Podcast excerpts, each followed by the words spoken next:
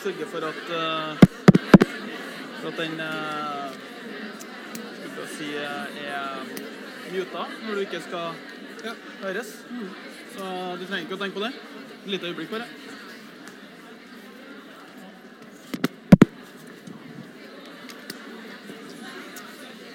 Så da er det bare å ha den på deg, egentlig. Og den du kan jo bare hekte den over, og så sånn, ja, at den ligger godt i bak i nakken deg. Ja. Det gjør den, og så bare må jeg be deg om å prøve ikke røre så mye på, på den. Mm. Så lite på den som mulig gjennom eh, foredraget, egentlig, for at den, den ligger det, Når den ligger sånn der nå Ja. Det er noen som bare Og så Ja. dytter ja. den bort. Jeg skal prøve, prøve å la være. Så det er bare det. Så putter den i lomma, Ja. og så skrur du den på. Ja, jeg skrur den på. Så du kan bare Bare gjøre Ja. Supert. Yes. Ja.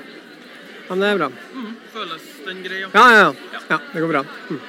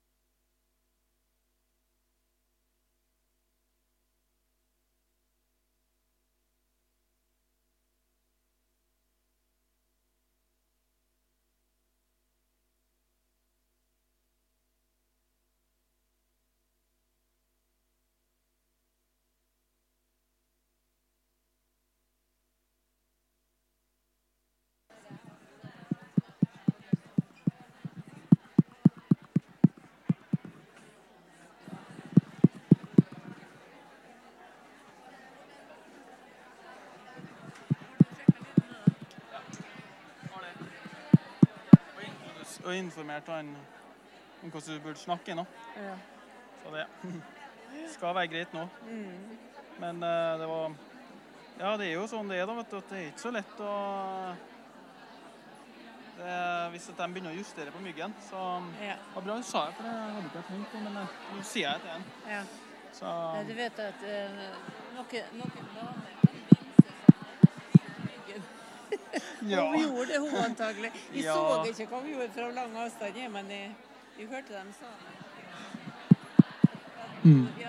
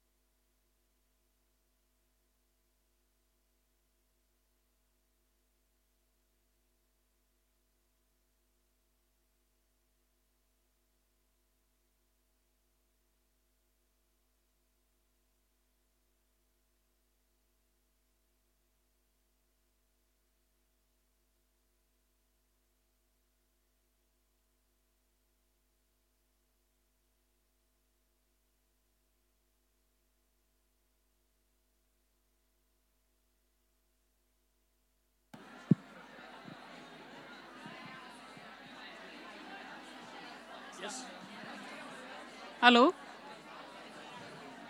Hallo?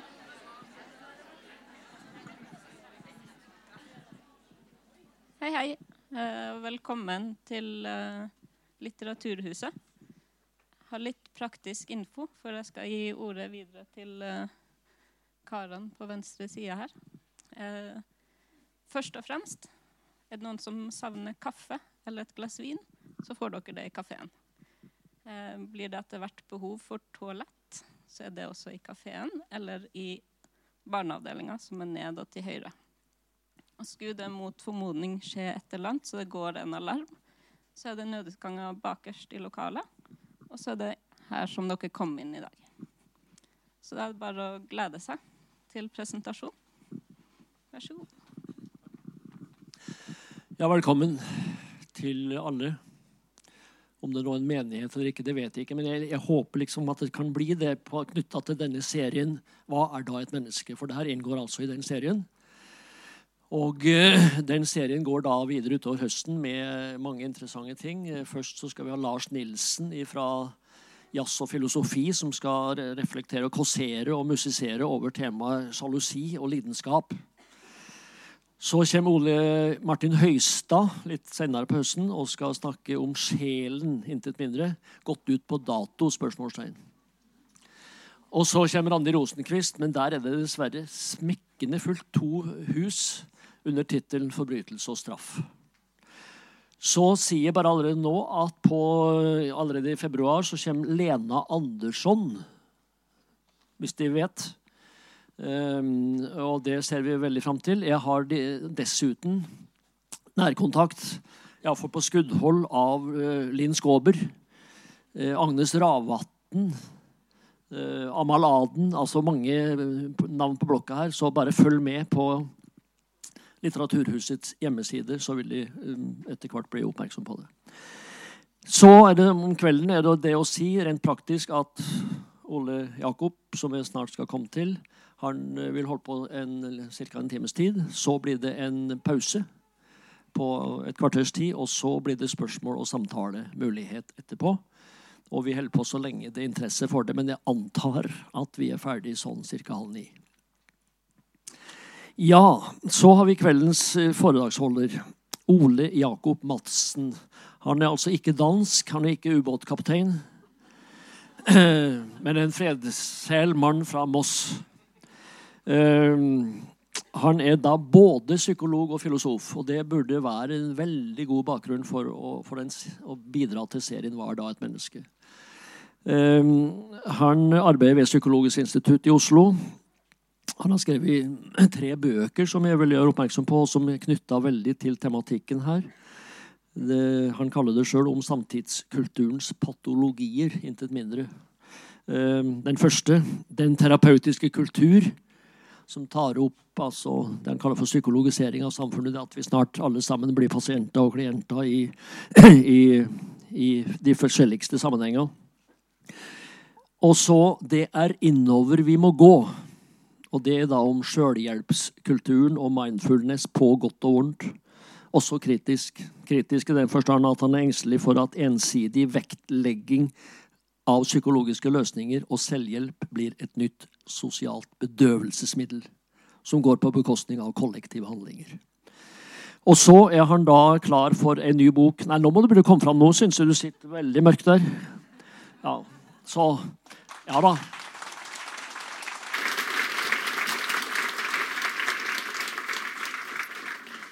Jeg skulle bare si, hvilket du sikkert kommer til å si mer om. Han kommer nå i høst med ei bok som er, tar opp mer kveldens tema, altså generasjon prestasjon. Om foredraget som sådan så har han sjøl lansert følgende mm, ingress. Generasjon prestasjon er blitt en betegnelse på dagens ungdom. Men det står noe mer på spill enn bare hvordan de unge har det. Nemlig hvordan vi alle har det. Og hvor vi som samfunn er på vei. Ungdommen og vår forståelse av ungdom blir helt enkelt en seismograf, et barometer som beskriver samfunnets tilstand. ikke det presist? Velkommen iblant oss. Takk, takk. Ordet ditt.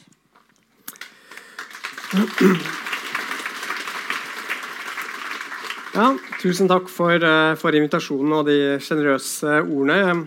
Jeg vet ikke om det er noe slektskap mellom meg og Ubåt-Madsen. Det kan jo hende. Jeg har noe slekt i Danmark, så, men eh, jeg får håpe det er mange, mange ledd siden. Um, ja, dette er jo et foredrag i serien 'Hva er da et menneske?' Et spørsmål som er henta fra Salmenes bok i Det gamle testamentet. I mitt foredrag vil jeg undersøke denne tematikken, altså undringen over oss selv, men også via et annet kjent litterært verk fra historien, nemlig Shakespeares 'Romeo og Julie'. Og det nesten like klassiske spørsmålet 'Hva ligger i et navn?' For I stykket så sier Julie at en rose ville luktet like søt dersom den het noe annet. Men vi skal ikke inn i botanikkens verden, men inn i de unges verden og inn i samtiden. Og Et grunnleggende poeng da, i denne boka er at de unge, i motsetning til en blomst, endrer sin atferd og egenskaper avhengig av hva vi kaller dem. Så Ergo er vi, vi da, de bekymrede voksne på ingen måte nøytrale tilskuere til de unge, men aktivere deltakere i kretsløpet som omgir de unge. Og Navnet jeg vil utforske, er 'Generasjon prestasjon', som også er tittelen på en bok som jeg snart kommer med, som har undertittelen 'Hva er det som feiler oss?' Eh, nå skulle jeg gjerne gjort dette til en sånn markedsplass eh, hvor jeg solgte boka, men eh, boka kommer først eh, 22.10. Men dere får minst en sniktitt her i, eh, her i kveld. da. I innlegget vil jeg spørre eh, hva er det som feiler oss, i to omganger. Først vil jeg diskutere hva det vil si å være ung i vår tid. Og så ønsker jeg å problematisere dominerende voksenforestillinger av de unge som generasjon prestasjon. Og For å foregripe budskapet mitt så er det vel noe sånt som dette. Eh, vi bør uroe oss, men vi uroer oss for feil ting. Ja. Eh, samtiden er full av bekymringer for at dagens unge ikke skal bli voksne, hele mennesker. Eller mer presist at unge altfor tidlig må opptre som voksne og ta ansvar for seg selv, men uten de nødvendige ressursene. Med økning i psykiske helseplager som resultat. Jeg tror ikke det er en overdrivelse å si at det ikke går en uke uten et nyhetsoppslag om det å være ung i negativ fortegn. Eh, I Norge intensiveres dette spesielt en uke i november, en uke i juni og en uke i august. Um, hva er det som skjer akkurat da? Jo, I november slippes Ungdata-rapporten fra NOVA, Norsk institutt for forskning om oppvekst, velferd og aldring ved Oslo OsloMet, som inntil nylig het Høgskolen i Oslo og Akershus. I juli slippes Ungdata-rapporten for Oslo, og i august slippes nettutgaven av den nasjonale Ungdata-rapporten. Og dette har blitt noe av et sånn fast offentlig rituale, der selv de minste bevegelser i prosentpoeng fra år til år Sirlig registreres, granskes og drøftes, og der forskere, interessegrupper og brukerorganisasjoner kan få sin tilmålte tid i media. Så jeg tenkte først jeg skulle si litt om hovedbildet som disse undersøkelsene tegner av norsk ungdom. Den siste Ungdata-rapporten oppsummerer funnene sånn her. De ungdommene som vokser opp i dag, kan langt på vei karakteriseres som en veltilpasset, aktiv og hjemmekjær ungdomsgenerasjon. Selv om de fleste trives og er godt fornøyd, er det mange som opplever bekymringer i hverdagen. Særlig er det mange jenter som opplever skolen som stressende. Et viktig funn fra årets undersøkelse er at omfanget av psykisk helseplager fortsetter å øke. Økningen er markant og gjelder både gutter og jenter. Eh, og I årets undersøkelse er enda til et hovedfunn at vi for første gang på lenge ser et brudd i det forskerne kaller for skikkelighetstrenden som har preget ungdomsgenerasjonen de siste 10-15 årene. På en del som parametere som vold, alkohol og cannabisbruk så ser man en tendens til oppsving igjen etter år med nedgang, spesielt for guttene. Så Kanskje kan dette tolkes som uttrykk for eh, dominerende kjønnsroller, der guttene i større grad eksternaliserer og jentene i større grad internaliserer stresset og presset. Men allerede nå er jeg også i gang med kun å fokusere på det negative. Eh, så det er viktig å minne om at hovedbildet som tegnes av norsk ungdom, er tross alt at de har det relativt bra. Men det er enkelte mørke skyer på himmelen som kan gi grunnlag for uro. Men her det, tror jeg det er viktig å holde tungen rett i munnen. Eh, psykiske helseplager er ikke det samme som psykiske lidelser. Psykiske plager er mentale vansker som er plagsomme, men ikke i så stor grad at de kvalifiserer til en diagnose, slik som psykiske lidelser gjør. Og det er antagelig kjennetegnet for vår tid at vi i det hele tatt har begynt å registrere psykiske helseplager. Samtidig er det en interessant kategori fordi man antar at psykiske plager er tett forbundet med livsvilkår og samfunnstrender som vil kunne påvirke målingene som større sosial aksept og åpenhet. Mens psykiske lidelser i større grad er betinget av genetikk, biologi og individuell sårbarhet. Men Hvis vi derimot ser på forekomsten av psykiske lidelser, så gir ikke utviklingen noen entydig støtte til at de unge har det verre i dag enn før. I Folkehelse sin statusrapport fra tidligere i år så oppsummerer de i det følgende. Flere forhold kan gi inntrykk av at forekomsten av psykiske lidelser øker i befolkningen. Andelen nye uførepensjoner tildelt for en psykisk lidelse har økt de siste årene, og det har vært en liten økning i sykefravær pga. psykiske lidelser. Det har også funnet sted en sterk økning i behandling av psykiske lidelser. Dette er imidlertid bare indirekte indikatorer på forekomst av psykiske lidelser, som også reflekterer hvordan samfunnet håndterer slike lidelser. De fleste studier som har sammenlignet forekomsttall i befolkningen over tid, finner ingen økning i forekomst, skriver de. Ehm, når det gjelder selvmord, så hører man til stadighet om selvmordslandet Norge. Hvorfor er selvmordsraten visstnok blant de høyeste i verden? spurte den vanligvis så beleste spaltisten Kai Holtan i min lokalavis Moss Avis eh, en gang i fjor. Denne oppfatningen er beviselig feil. Den lite attråverdige førsteplassen på selvmordsstatistikken ifølge Verdens helseorganisasjon sin siste sammenligning fra 2015 den innehas av borgerkrigsherjede Sri Lanka, mens Norge ligger nede på 102.-plass. Eh, nordeuropeiske land som det er naturlig å sammenligne oss med, sånn som Danmark, Nederland og Tyskland, ligger omtrent på samme nivå. Rundt ni selvmord per 100 000 innbyggere per år. Eh, det er dessuten også vanskelig å sammenligne selvmord fordi enkelte nasjoner ikke kan eller vil registrere eh, dødsfall som selvmord. Så når det karibiske øyriket Antiga og Barbuda innehar 183. og sisteplass, med angivelig null registrerte selvmord i 2015, så bør man antageligvis spørre seg om det er helsemyndighetene eller turistmyndighetene som står bak disse tallene. Ellers er det sånn at Tallene for aldersgruppen unge mellom 15 til 24 år eh, den sammenfaller med tendensen for selvmord generelt i Norge. Eh, det var en dobling og så en tre fjerdedobling av selvmord blant unge fra 1970 til slutten av 1980-årene. Men så sank forekomsten igjen til midten av 2000-tallet og flatet deretter ut. Nå vet jeg at Det var en sak i Aftenpostens A-magasinet eh, forrige fredag tror jeg det var, som kanskje noen av dere så. Eh, hvor de slo eh, stort opp at, ant, altså at eh, antall selvmord for menn i 2016 var det høyeste siden 1990. Men, men, det de gjorde var at de bare hadde telt antall selvmord og ikke korrigert for befolkningsendringer, slik som man vanligvis gjør. Så I 1990 var det f.eks. 4,2 millioner mennesker i eh, Norge, mens i 2016 var det 5,2 millioner mennesker. Så Ergo så er det simpelthen et større utvalg som potensielt sett kan ta sitt eget liv. Eh, hvis vi tar hensyn til befolkningsendringer, så var tallet 25 selvmord per 100 000 for menn i 1990 og 15 selvmord per 100 000 for menn i 2015. Selvfølgelig er et selvmord ett for mye, men jeg tror, er, jeg tror, ikke noen er tjent med sånne gjengivelser som gir et feilaktig negativt bilde, uansett hvor velment det måtte være. Eh, så Selvmordsstatistikken gir ingen støtte for at det skal ha vært en dramatisk økning i selvmord verken blant unge eller voksne de siste årene i Norge. Eh, til tross for den i utgangspunktet positive utviklingen, ikke minst for menn, så virker det likevel som at mange er av den oppfatning at selvmord øker kanskje særlig blant unge.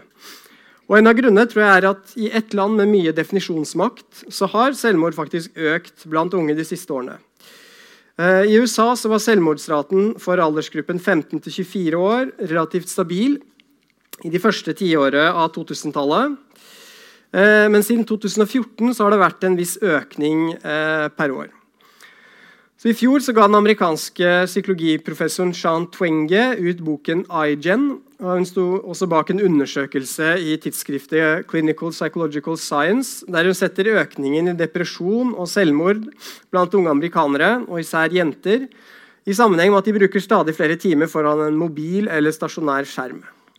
Unge amerikanere som oppgir at de bruker mer tid på sosiale medier og smarttelefon, rapporterer om mer psykiske plager enn unge som tilbringer mer tid med ikke-skjermaktiviteter, sånn som ansikt-til-ansikt-samvær med andre, sport og trening, lekser, lesing og religiøse aktiviteter.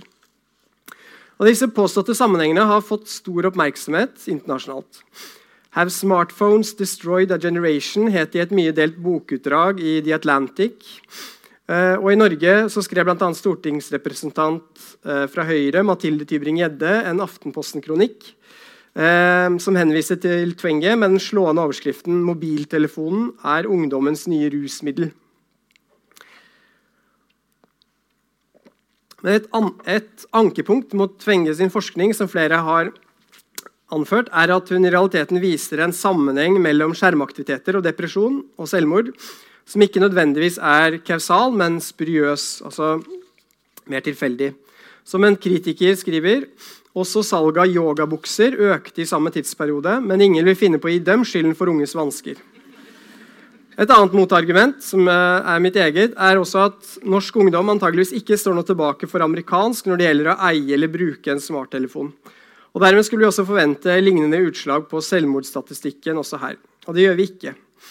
Her kan man selvfølgelig innvende tilbake jo, men vi har bedre utbygd velferdssystem som fanger dette opp tidligere. Men hvis man kommer med det motargumentet, så vedgår man jo samtidig at vi neppe kan trekke noe allmenngyldig ut av utviklingen i USA.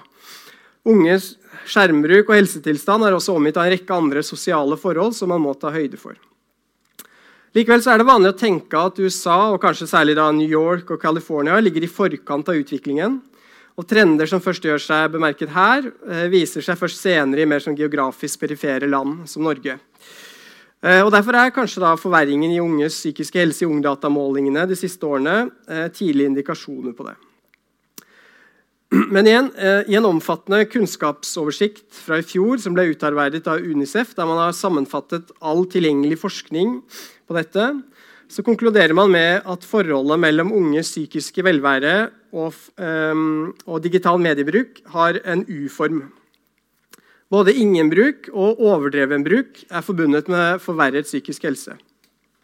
Så jeg tror jeg kanskje Vi må se for oss en gruppe som er prega av utenforskap og kanskje dårlig råd, som ikke har tilgang til den digitale verden, og en gruppe som søker tilflukt i den digitale verden fordi de sliter med ting som ensomhet, mobbing eller psykiske problemer i den virkelige verden.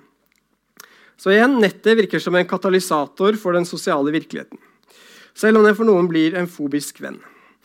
Eh, nå har kanskje noen av dere avskrevet meg som en litt sånn naiv teknooptimist. Eh, jeg vet ikke om du har gjort det, Per, per Bjørn. fordi eh, Jeg var litt forsinka til det arrangementet i dag, så jeg prøvde å finne mobilnummeret hans på nettet, men det viste at han ikke hadde noen mobiltelefon, så jeg mistenker deg litt for å være en sånn luditt, så vi kan kanskje få noen sånn eh, interessante diskusjoner etterpå. Eh, jeg tenker vel likevel på meg selv som grunnleggende kritisk også eh, til ny teknologi. Men samtidig så tror jeg kanskje det, vi i en del tilfeller gjør det litt for enkelt for oss selv hvis vi kun skylder på sosiale medier eller teknologien. da. Og Historisk sett har dette, denne på teknopessimismen også en lang historie. Allerede i 1748 så bekymret Ludvig Holberg seg for virkningen av boktrykkerkunsten på menneskehetens samlede tankekraft. Ironisk nok i en bok som han skrev. da. Eh, hvis jeg skal gå videre til eh, et annet sentralt område da. I, eh, I, Norden så finnes det flere undersøkelser der man finner at opplevd stress i skolen og psykiske helseplager henger sammen. Og der det er gjennomgående kjønnsforskjeller i opplevelsen av skolestress. Skole og utdanning ser ut til å ha en viktigere rolle i unges liv enn før, ettersom flere jobber som typisk var tilgjengelig for unge med lite utdannelse tidligere, eh, har forsvunnet de senere årene. Og PISA-undersøkelsene som trådte i kraft fra årtusenskiftet, har også bidratt til mer fokus på målinger og prestasjoner i skolesystemet, som også kan være en bakenforliggende faktor som bidrar til mer opplevd skolestress. Den signifikante økningen i opplevd press blant skoleelever, spesielt i land som Norge, Danmark, Sverige og Tyskland mellom 1998 og 2002, kan ha sammenheng med at disse landene kom dårligst ut i PISA-undersøkelsene, mens land som Finland og Canada, som kom ut i den andre enden av skalaen, ikke har samme byks med hensyn til skolestress i denne perioden. Og mens 1960-tallets ungdomskull eh, fikk sin frihet via arbeidet, så får 2010-generasjonen sin frihet gjennom utdanningen. Eh, det skolerte samfunnet har sosiologen David Baker døpt de siste 150 årenes utdanningsrevolusjon. Og Det innebærer at unge må forvalte ungdomstiden sin fra tidlig av. Noe som kanskje skaper en mer konform ungdomsgenerasjon, siden rommet for feilskjær er færre i utdanningsløpet. Og Det er også påpekt hvordan utdanningssystemet mer og mer ser ut til å, ut til å dyrke en annen type idealelev enn tidligere. Den svenske etnologen Jonas Frykman han spissformulerer det slik. Tidligere gikk man på skolen for å bli noe, et visst yrke, men i dag går man på skolen for å bli fremgangsrik. Så utdanningspresset og framtidsdisiplineringen, der ikke bare skolen skal mestres, men kroppen trenes og helsen ivaretas, kan nok tære på de unges psykiske helse i form av bekymringer, håpløshet, søvnløshet og stress. Voksne krav leder til voksne plager. For et par år siden veiledet jeg hovedoppgaven til Linn Julie Skagestad, som nå er stipendiat ved Oslo OsloMet, hvor hun intervjuet unge deprimerte studenter i Oslo. Hvor hun har særlig vekt på eh, det fortolkningsapparatet de brukte for å forklare eh, hvorfor de hadde havnet der de hadde havnet.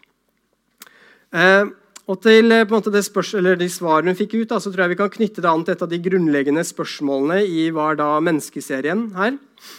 Eh, hvor det står er det slik at våre grunnvilkår er i ferd med å forandres fra avhengighet og sårbarhet til selvtilstrekkelighet og perfeksjonsdrømmer. Ut fra hennes undersøkelse, som vi også publiserte en artikkel om i Tidsskrift for Norsk Psykologforening for et par år siden, så er svaret langt på vei ja. En av de mest betenkelige gjennomgangstemaene var nemlig hvordan mange unge ga uttrykk for at anerkjennelse fra omgivelsene og eh, også fra seg selv først ble utløst hvis de lykkes å realisere ambisjonene sine. Og ikke bare det, De opplever også at de har begrenset med tid på seg til å høste denne anerkjennelsen. Man blir så redd for å gå glipp av seg selv, som en av informantene treffende uttrykte det. Mulighetsvinduet lukkes om man ikke klarer å realisere seg selv opp mot en standard om suksess i løpet av ens formative år. Og hvis alt er mulig, som de ble fortalt, hadde de i bunn og grunn ikke noen andre å skylde på enn seg selv dersom de mislykkes. Og det høres jo unektelig ganske deprimerende ut. Ja, Det var et sånn rask omriss av hva som feiler eh, de unge. Hvordan velger vi så å møte disse utfordringene? Den foretrukne samfunnsmedisinen mot disse bekymringene blir gjerne sagt å være vi må begynne å snakke om hvordan unge egentlig har det. Og som alltid dette må skolen bidra til å løse. Som en, del opp, eh, en del av en oppdatering av Kunnskapsløftet vil man derfor fra høsten 2020 starte med folke- og livsmestring som del av en tverrfaglig satsing der unge skal lære måter å håndtere stress og press på.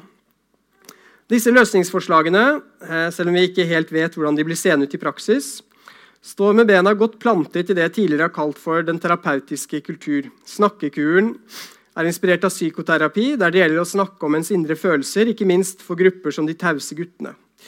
Og Det er utmeislet ut fra en sånn dominerende forestilling i selvhjelpskulturen. Det er innover vi må gå. De unge må selv ta ansvar for å holde stress og presset fra livet. I NOU-en 'Fremtidens skole', eller Ludvigsen-rapporten, som den også gjerne kalles etter den som leda den, eh, pedagog Stein Ludvigsen fra Universitetet i Oslo, som var et av de sentrale støttedokumentene for stortingsmeldingen om fornyelse av Kunnskapsløftet, så heter det i anbefalingen deres at fremtidens elever må styrke sin kompetanse sosialt og emosjonelt. Og de må bli flinkere til å lære og lære ut fra psykologiske teknikker som metakognisjon og selvregulering for å være omstillingsdyktige i møte med framtidens utfordringer. Spørsmålet er imidlertid om det er en risiko for at elevene i større grad enn før selv blir sittende igjen med ansvaret for egen læring. Så Jeg vil bruke litt tid på det her nå, fordi jeg opplever at dette går rett inn i et av spørsmålene i beskrivelsen av denne forelesningsserien, nemlig om vi flytter oss fra avhengighet, avhengigheten av andre til ideen om selvtilstrekkelighet. Eh, selvregulering, eller selvkontroll, er sammen med intelligens regna som kongeveien til et godt liv. Så hvorfor er jeg da så skeptisk til å få det her inn i skolen? Jeg kan bare nevne at Tidligere år så skrev jeg et bokkapittel i en bok som het 'Rapporten', som het 'Den terapeutiske skolesekken'. spørsmålstegn. Eh, og Der gjorde jeg en slags tekstanalyse av Ludvigsen-rapporten. Eh, og Der trekker jeg inn virkningshistorien til et av psykologiens mest berømte eksperiment, som har bidratt sterkt til å gjøre troen på selvregulering særlig sterk. I den nylig avdøde sosialpsykologen Walter Michels marshmallow-studie, som sikkert noen av dere har hørt om, fra Stanford-universitetet eh, på 1960- og 1970-tallet, så blir fireåringer fortalt at de kan doble belønningen sin hvis de venter til at forsøksleder kommer tilbake fra lageret med en marshmallow til. Eh, noen barn er impulsive og kaster dem i seg så fort forsøksleder forsvinner ut av døren. Noen gir etter fristelsen for noen minutter, etter noen minutter, mens noen barn er slue. De tar en bit og så snur de den opp ned for å skjule at de har uh, forsynt seg av, av, godsakene. Mens det er en gruppe barn da, som klarer å vente i 15 minutter. og kan da motta den doble belønningen i form av en til når forsøksstedet kommer tilbake. Og de barna de bruker gjerne sånn typisk avanserte strategier, som er veldig lurt å lære seg hvis man vil motstå fristelser også som voksen. Da Leke en annen del av rommet, telle inni seg, eller legge seg ned for å sove eller forsøke å sove for å adlede oppmerksomheten fra begjærsobjektet. Og Hva er det så med disse funnene da, som gjorde dem så berømte? Eh, faktisk ikke så veldig mye. Eh, Riktignok fikk Michel anerkjennelse fra forskningsfeltet på utsatt belønning og selvkontroll. og Han fikk publisert funnene sine i anerkjente tidsskrift. Men eh, forsøket var ikke viden kjent for offentligheten eh, på den tiden. Det var først på slutten av 1980-tallet at Michels forskning liksom ble kjent utenfor forskningsverdenen. For tilfeldighetene ville ha det til at uh, Michels datter var jevnaldrende med mange av disse barna fra det opprinnelige forsøket. Så han fikk jevnlig servert historier om hvordan det gikk med de, eh, hva de hadde gjort på skolen osv. gjennom datteren. Eh, så Han ble derfor nysgjerrig en gang på 80-tallet på å teste ut hvordan de klarte seg som tenåringer i det amerikanske samfunnet. Så Han bestemte seg for å sammenligne utviklingen deres nå med de opprinnelige resultatene de fikk som fireåringer. Så Nesten 100 barn ble da undersøkt ved å innhente opplysninger fra foreldrene deres, lærerne deres. Eh, og få de til å vurdere disse barna både på akademiske prestasjoner og sosial fungering. Eh, og Resultatene av denne nye undersøkelsen viste at de som klarte best å vente som små barn, gjennomgående også klarte seg best som tenåringer. Voksne personer rundt disse vurderte dem gjennomgående som mer kompetente både på skolen og utenfor. Mer verbale, rasjonelle, konsentrerte, systematiske, resistente og rustet til å takle utfordringer i livene sine. Så Marshmallow-eksperimentet ble nå for alvor kjent i den bredere offentligheten i den andre bølgen på slutten av 1980-tallet. Eh, psykologen Daniel Goldman, han som også er kjent for et begrep om emosjonell intelligens, EQ, som dere kanskje har hørt om, han hjalp også til med å løfte fram evnen til selvregulering som den fremste enkeltfaktoren for å lykkes her i livet ved siden av intelligens. Men siden det er konsensus for at intelligens eh, i stor grad skyldes genene våre, som i liten grad kan, kan trene opp, så venter man seg isteden til selvregulering som et område der tilstrekkelig innsats eh, kunne gjøre en vesentlig forskjell. Så Utover 1990-tallet, 2000-tallet og 2010-tallet så ser Marshmallow-eksperimentet ut til å få økende oppmerksomhet gjennom statlige programmer, forskningsformidling, populærvitenskap og psykologisk orientert selvhjelpslitteratur. Michel selv har sagt i et intervju at han eh, tidfester oppsving i oppmerksomhet eh, til starten, eller midten av 2000-tallet. Plutselig så dukker forsøket opp i en lederartikkel i New York Times. President Barack Obama nevner det på et eget initiativ i et intervju. Han blir også noen ganger eh, trukket fram som et sånn paradeeksempel på det selvregulerte mennesket per excellence. fordi det var blant annet historier om at han hadde utvalgt dressene sine på forhånd osv., så, videre, så at han slapp å tappe viljestyrken, for han måtte gjennomgå så mange viktige beslutninger uh, i løpet av en dag. Um, og uh, ja, På barne-TV så ble kakemonsteret fra Sesam Stasjon utsatt for marshmallow-eksperimentet for å lære seg å mestre impulsene sine. Og Michelle forteller at han møtte barn på gata som hadde T-skjorter og buttons hvor det sto 'I passed the marshmallow test'.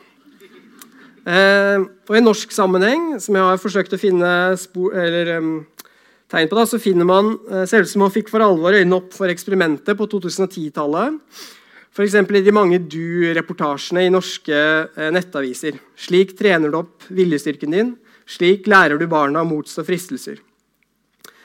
Den anerkjente psykologen Roy Baumeister og journalisten John Tierneys bok 'Viljestyrke' ble også oversatt til norsk i 2013. Og På forsiden av den norske utgaven så ble den illustrert med et barn som stirrer intenst på en liten pyramide av rosa marshmallows. Og I 2014 så ble Michels egen bok 'Marshmallow-testen' utgitt på norsk, hvor han oppsummerer 50 år med forskning. Og da han var på skandinaviske breddegrader for å promotere boken, så var det bare naturlig at han figurerte i de største mediekanalene, som Skinnstolen til Fredrik Skavlan i Først og sist, og en lengre reportasje i Aftenpostens A-magasin. Så Hvordan kunne marshmallow-eksperimentet bli så populært? Hvorfor har det slått an først nå, 50 år senere? En hypotese kan være at selvregulering er et passende svar på utfordringene til det som gjerne kalles for den nye individualismen, nemlig at unge mennesker i dag må skape seg et liv i fraværet av den gamle verdens regler og forbud. Selvregulering ser ut som et opplagt svar i en tid der alle ifølge de mer optimistiske fremstillingene, har frihet til å gjøre hva de vil, og der alle konkurrerer på samme vilkår. Og En sånn retorikk passer også veldig godt med Ludvigsen-utvalgets vektlegging av å utvikle elevers potensial som mennesker. Den underliggende moralen er tilsynelatende at de som lykkes, er de som har vært dedikerte og ikke latt seg atsprede av for mange fristelser. Det er ingen grunn til å fortvile for dem som har mislykkes, for vitenskapen har nemlig gitt oss marshmallow-eksperimentet og en serie med ulike selvreguleringsteknikker som kan gi deg nødvendig hjelp til selvhjelp. Og Derfor er det kanskje ikke overraskende at Baumeister, som kanskje er Michels arveprins innenfor selvreguleringsforskningen i dag, likefrem slår fast at å bedre viljestyrken din simpelthen er nøkkelen til et bedre liv, og en velegnet forklaring på hvorfor så mange av oss ikke lever bedre liv. Baumeister og kolleger rundt om i verden har funnet ut at å forbedre viljestyrken din er den beste veien til et bedre liv. De har erkjent at de fleste problemer, personlige eller sosiale, handler om manglende selvkontroll. Overdrevent forbruk og lån, impulsive voldshandlinger, underprestering i skolen, utsettelsesatferd i skolen, alkohol- og stoffmisbruk, usunn diett, mangel på trening, kronisk angst, eksplosivt sinne. Selvkontroll passer tilsynelatende fullkomment som en sånn metodologisk, individualistisk forklaring på samfunn, sammensatte samfunnsproblemer, og endatil underbygget med sosialpsykologiske eksperimenter. Hvis bare dagens og fremtidens befolkning lærer seg vitenskapen om selvkontroll, vil mange av våre vante samfunnsproblemer gradvis forsvinne, er idealet. Men I 2013 så publiserte Celeste Kidd eh, og flere av hennes forskerkolleger en studie i tidsskriftet Cognition der de gjenskapte Michels opprinnelige marshmallow-eksperiment. Og der de demonstrerte hvorfor de vanlige forklaringsmodellene basert på individuelle forskjeller i selvkontroll var utilstrekkelige. Isteden peker de på en egenskap som tillit som helt sentralt, ettersom barns evne til å stole på omverdenen ser ut til å ha stor betydning for hvorvidt man vil vente på noe godt eller ikke. Så Kid lot barna i forsøket gjennomgå to forskjellige forløp før de fikk prøve seg på en gjenskaping av det originale marshmallow-eksperimentet. Den ene gruppa, som besto av 14 barn, eh, de ble utsatt for et uforutsigbart læringsmiljø, mens den andre gruppa ble utsatt eh, for mer forutsigbare betingelser. Så den ene gruppa ble barn fortalt at de kunne få et flottere skrin med maling om de ventet til forsøksleder kom tilbake fra lageret. Og Det samme gjentok de en gang til med noen klistremerker. Og For den ene gruppa så holdt forsøksleder det han lovet, så de fikk belønningen. Mens i den andre gruppa så gjorde man det samme, men med en vesentlig forskjell. Idet forsøkslederen kom tilbake, så kom han bare utstyrt med unnskyldninger. Beklager, barn, men det var tomt på lageret. Og dette gjentok de to ganger. Så denne Forstudien var designa for å etablere tillit, eller svekke, svekke tilliten hos barna overfor forsøkslederen.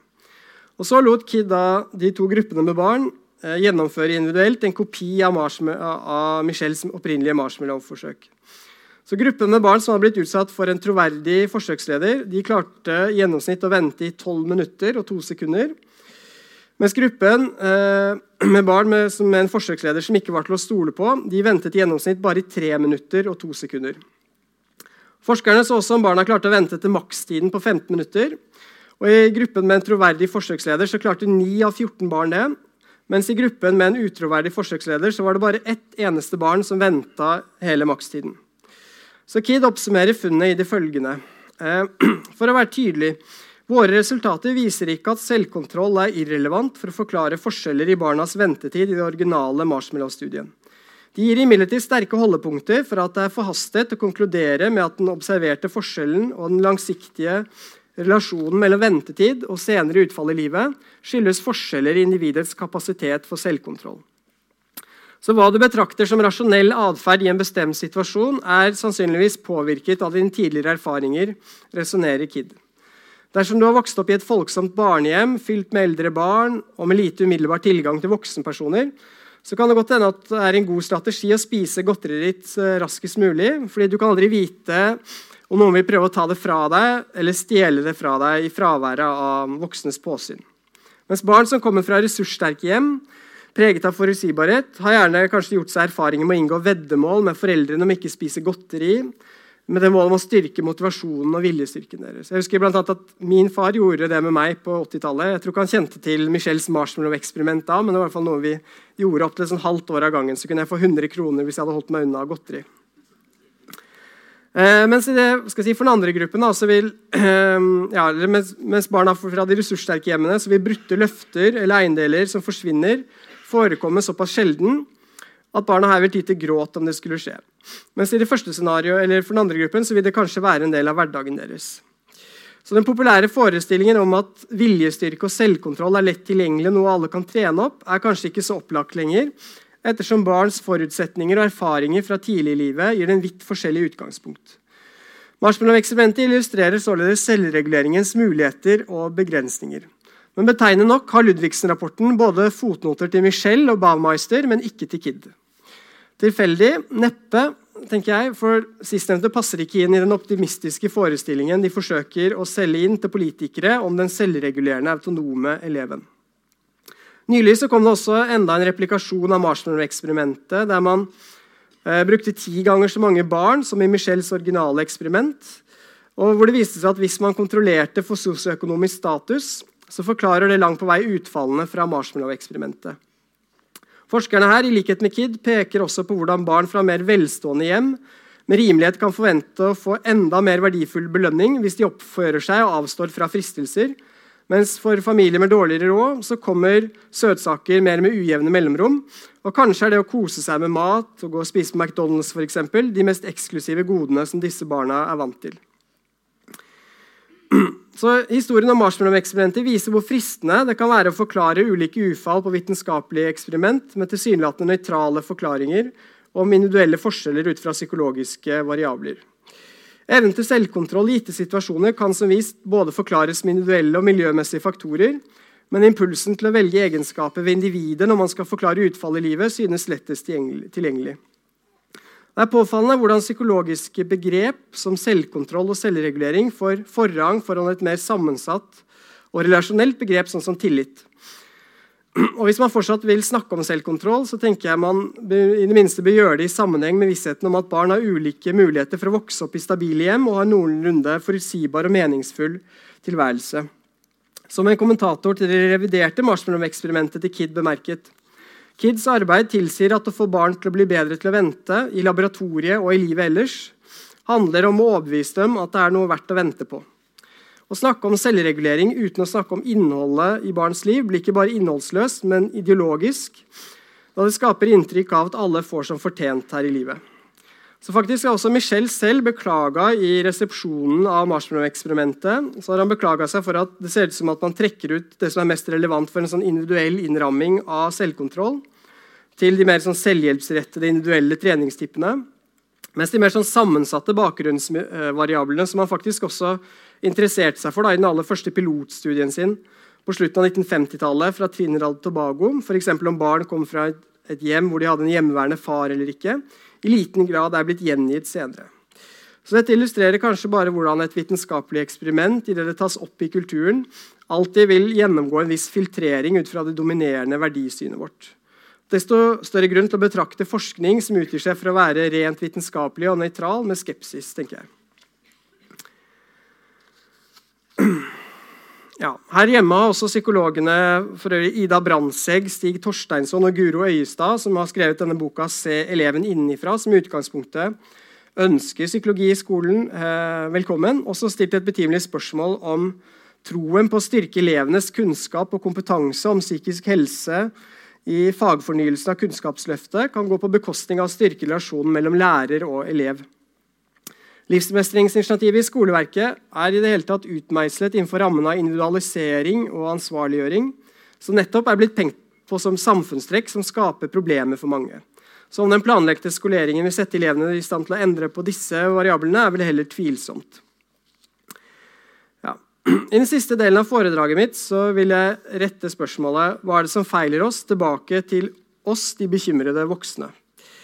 Hvilke kollektive fortellinger av de unge er det som vinner fram gjennom medienes fortelling, og hvilke ser ut til å havne i skyggen?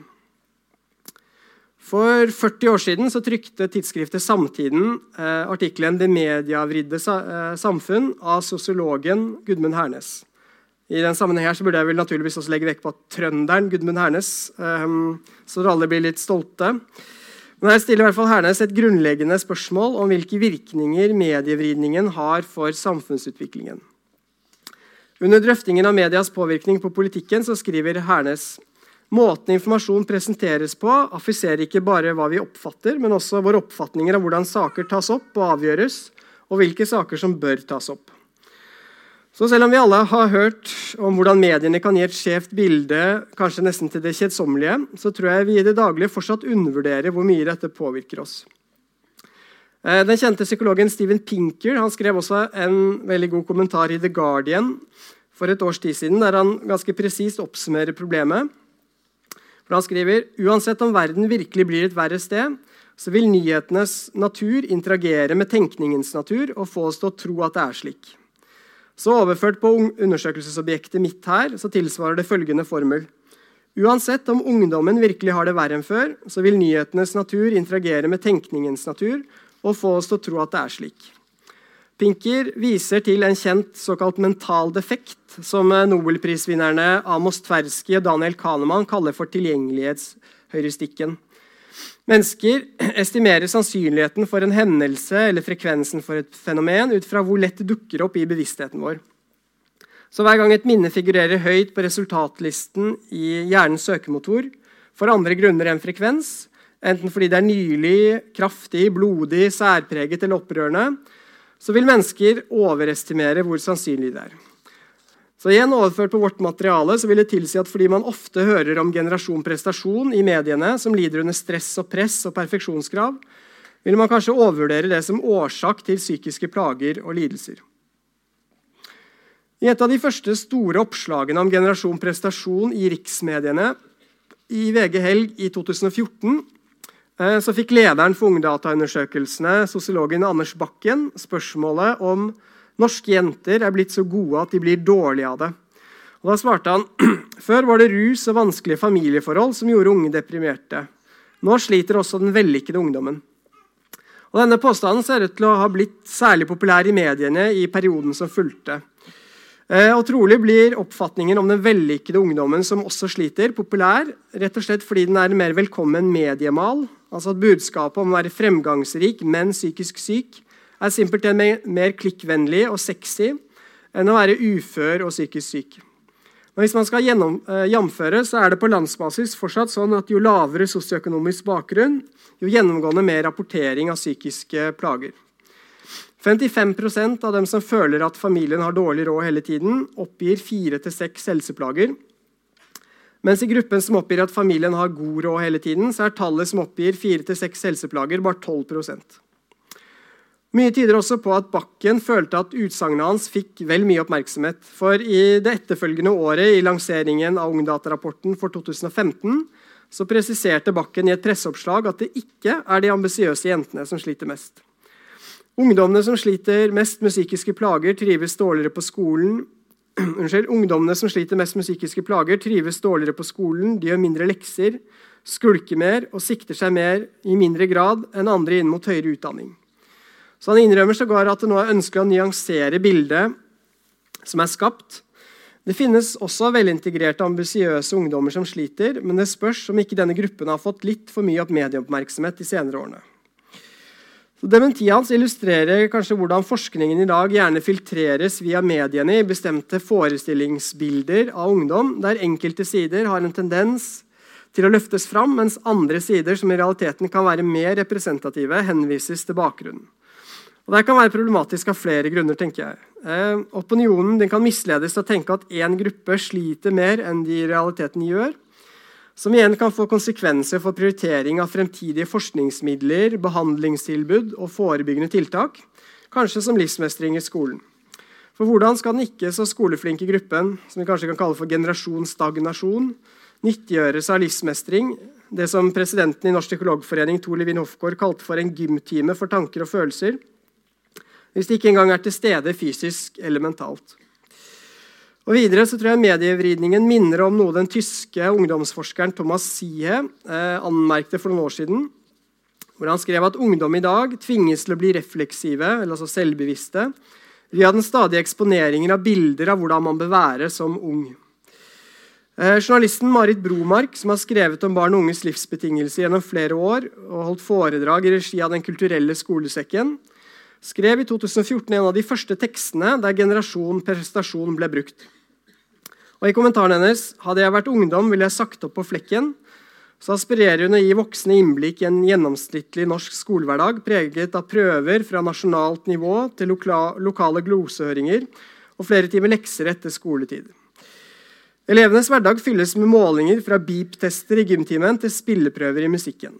Foreldrene gir heller ikke barna noe pusterom. Det er bare det at alt teller. Absolutt alt er viktigst. Og det hjelper ikke å være flink, for selv om det er bra, er det aldri bra nok. Lærerne på sin side minner om at det er viktig at ungdommen ikke sliter seg ut, men samtidig så messer de også om hvor viktig neste innlevering er, fortsetter Bromark. Og fortsatt lurer vi på hvorfor ungdommene våre er stressa, avslutter hun retorisk, som leder tankene til Jens Bjørnbos pekefinger mot de voksne i, om ungdommens råskap. Og Bromark hun traff åpenbart en nerve hadde jeg vært ungdom, ville jeg sagt opp på flekken, ble en av 2014s mest populære saker i sosiale medier. Lest eh, over, av over 300 000 nordmenn og delt 45 000 ganger på Facebook. Også av den rammede, men forunderlig ressurssterke ungdommen selv. For I 2014 så gikk noen videregående elever fra Ålesund sammen om å starte ungdomsbedriften Generasjon Prestasjon i regi av Ungt Entreprenørskap Møre og Romsdal sitt program for skoleelever. Og Raskt fikk de oppdrag om å holde foredrag og arrangere workshops rundt om i hele landet. Og De later til å ha hatt ganske stor gjennomslagskraft. Videoen deres, 'Våkn opp', med det fengende slagordet 'Vi er generasjon prestasjon i en verden av depresjon med for lite kommunikasjon og bare fokus på telefon', som ble lagt ut i 2016, er i løpet av drøye to år sett over 300 000 ganger. I en NRK Ytring-kronikk 'Fra prestasjon til depresjon', eh, som er signert lederen Håkon Avseth, så forteller han om opphavet til organisasjonen. Han skriver da en høstdag på latinskolen i Ålesund startet vi ungdomsbedriften Generasjon Prestasjon. Noen av oss hadde lest en kronikk med tittelen 'Hadde jeg vært ungdom, ville jeg opp på flekken'. Kronikken var kortfattet, men forståelig. Forfatteren satte ord på mye av det vi tenkte, og ga en hjelpende hånd på en annen måte enn vi var vant til, langt fra en bedrevitersk akademisk tilnærming. Hva om vi som ungdom som sitter midt oppi dette selv, kan snakke om det? Og Elevene bak eh, denne bedriften av Generasjon Prestasjon har også innrømmet i et annet intervju at de lot seg inspirere direkte av Ungdata etter å ha lest avisoppslag om unges levekår som henviste til disse ungdataundersøkelsene. Så fra først å bli tatt i bruk av voksengenerasjonen, så blir også generasjon prestasjon tilegnet seg av ungdommene selv i deres selvpresentasjon. Og denne tilegnelsen, eller Appropriasjonen for å bruke et vanskelig ord, er nok bare som forventet. For ganske nøyaktig 30 år siden så undret den amerikanske legen Anthony Barsky seg over det han skulle døpe for helsens paradoks. Til tross for at befolkningens helse i USA objektivt sett aldri hadde vært bedre, f.eks. målt i forventet levealder, så rapporterte den samme befolkningen rent subjektivt at de stadig var mindre fornøyd med egen helsetilstand. Eh, tross en nær dobling i forventet levealder de siste 100 årene, så føler vi oss sykere enn før, observerte Barski. Terskelen og toleransen for milde sykdommer var blitt lavere. Det var blitt en større vilje til å innta sykerollen. Han søkte raskere medisinsk hjelp for isolerte symptom. Og han tilbrakte flere dager i sengen enn før ved akutte og kroniske lidelser. En av årsakene til dette, utover at folk lever lenger og dermed blir mer syke, naturligvis, er at samfunnets økte bevissthet om helse har ført til mer selvmonitorering og forsterket bevissthet om kroppslige symptom og tegn på sykdom, mente Barsky. Og jeg tror han er inne på noe sentralt som i fordel også kan overføre til den psykiske helsens paradoks. Dersom kulturen innretter seg på å snakke om hvordan vi egentlig har det hele tiden, og ustanselig spør de unge om de føler at alt er et slit, eller om de har bekymret seg for mye for ting, så blir det antageligvis lettere å være syk både i positiv og negativ forstand. Det er kanskje positivt for tilfellene av unge som har vegret seg for å søke hjelp pga. skam og før ledig stillhet. Men det er antagelig negativt for tilfellene av unge der man ikke registrerte kroppslig uro eller negative følelser som psykiske vansker før nå. Så Som et sånt lite apropos til livsmestring i skolen det er ikke gitt at det må komme noe godt ut av å oppmuntre alle norske skolebarn til å bli sin egen psykolog, som konstant skal overvåke følelsene sine. For å sitere den amerikanske dikteren Theodore Rothke, som skrev «Um, Self-contemplation is a curse that makes an old confusion worse. Ja. Jeg nærmer meg en avslutning her nå. Eh, men avslutningsvis vil jeg si at det å drøfte ungdommens ve og vel det kan gi assosiasjoner til en sånn veggtapet som det har kommet luftbobler inn i. Jeg vet ikke om dere har tapetsert deres egen leilighet, eller noe sånt, men hvis man trykker boblen i ett sted, så popper de ut et annet sted lenger borte på veggen. Da jeg selv vokste opp på 1990-tallet, så husker jeg at en sånn uh, felles bekymring var uh, særlig knytta til røyke- og drikkepresset blant unge. Men nå som ungdommen blir stadig skikkeligere, bruker mindre tid ute blant venner og generelt ruser seg mindre enn før, så ser likevel ikke, til, uh, så ser likevel ikke den voksne uroen ut til å forsvinne, men den forflytter seg til engstelser for presset skolen eller sosiale medier nå utøver på unge sinn. Summen av bekymringer later til å være like konstant som summen av lastene, noe overskrifter som 'mobiltelefonen av ungdommens nye rusmidler' kan vitne om. Men en forskjell er det nok i dag sammenlignet med tidligere. Voksne ser ikke like strengt på ungdommen med moralske briller, men de har i stedet et terapeutisk medfølende blikk. Og Derfor blir også avstanden i, i vurderingen av hvordan unge egentlig har det, mindre enn før. Generasjonskløfta som forsvant, er f.eks. ungdomsforskerne Tormod Øya og Viggo Westels betegnelse på det endrede forholdet mellom unge og voksne i dag, som de mener medfører en ny, mer positiv og dialogisk relasjon. Eh, sosiologen Willy Pedersen har også spekulert i om ungdomsforskningsfeltet i seg selv tiltrekker seg barnevoksne, som han kaller det, som er for en kjærkommen arena til å være i kontakt med noe ungdommelig. Men de voksne de slutter å være en kontrast til ungdommens evige klaging, og de blir isteden likestilte støttespillere som samstemmer i at ungdom har det vanskelig. Men En konsekvens av denne utjevningen mellom generasjonene kan være at unge isteden blir mer usikre og bekymrede, som igjen gjør voksne enda mer urolige for hvordan det skal gå med dem. Så, sånn sett så jeg, har vi kanskje å gjøre med en sånn gjensidig forsterkende effekt av alarmerende betraktninger som man kanskje kom raskere over før. Ved å være lettere moralsk indignert over de unge var voksne i tidligere generasjoner mer tilbøyelige til å erklære at de unge hadde det for lett. Mens terapeutiske vurderinger av hvordan unge har det, vil mer sannsynlig lede til konklusjoner eh, om at de, de unge har det vanskelig. Så Ironisk nok så er derfor moralske fordømmelser av ungdommens levesett i sum kanskje terapeutisk sunnere enn samtidens utbredte, velmente bekymring for de unge. Innimellom kan man også se tegn til at de unge mennesker selv lengter tilbake til den moralske autoriteten som tidligere, foreldrene tidligere har representert. For et par år siden skrev den 22-årige Westerdal-studenten Johanna Holt Kleive eh, skrev om en episode i Dagens Næringsliv da hun var 13 år. Og Hun ville gjøre opprør mot foreldrene, hvor hun malte hodeskaller på klesskapet sitt. Responsen var imidlertid langt mer forstående enn fordømmende fra morens side. Så fint at du får utfoldet deg litt, jenta mi. Kleive hun avslutter med den treffende appellen. Jeg vil at generasjonen før meg skal kalle meg en drittunge. Et sentralt element i forholdet mellom voksne og barn har pleid å være overleveringen av en moral fra en generasjon til en annen. En av de viktigste komponentene i voksenrollen har vært å oppdra barn med et sett av religiøse eller etiske regler for hvordan de skal leve. Eh, det er imidlertid mye som tyder på at vi har en berøringsangst for moral i dagens kulturelle klima, siden skillet mellom moral og det å være moralistisk er i ferd med å bryte sammen. Og det å være moralistisk vil ingen være i dag. Ikke slik å forstå at dagens foreldre unnlater å involvere seg i barna sine, snarere tvert om. Men akkurat den delen av oppdragelsen som handlet om å overlevere en slags moralsk kjerne fra en generasjon til neste, den ser ut til å være i endring. Det har også Per Bjørn her, sammen med filosofen Arne Johan Vetlesen, skrevet godt om i en bok, 'Angsten for oppdragelsen', som kom for et par år siden. Autoriteten er ikke lenger selvfølgelig, og dermed har noe annet tatt dens plass. Eh, og En opplagt kandidat er det antiautoritative, terapeutiske blikket, som en sånn empatisk mine spør 'Hvordan har du det egentlig?' og 'Vil du snakke om det?' Jeg nærmer meg en avslutning, men helt på tampen så vil jeg også spørre hvorfor er vi så opptatt av de unge, meg selv inkludert, naturligvis. Antageligvis har ingen annen generasjon blitt utsatt for en lignende kollektiv bekymring og registrering av hvordan de har det.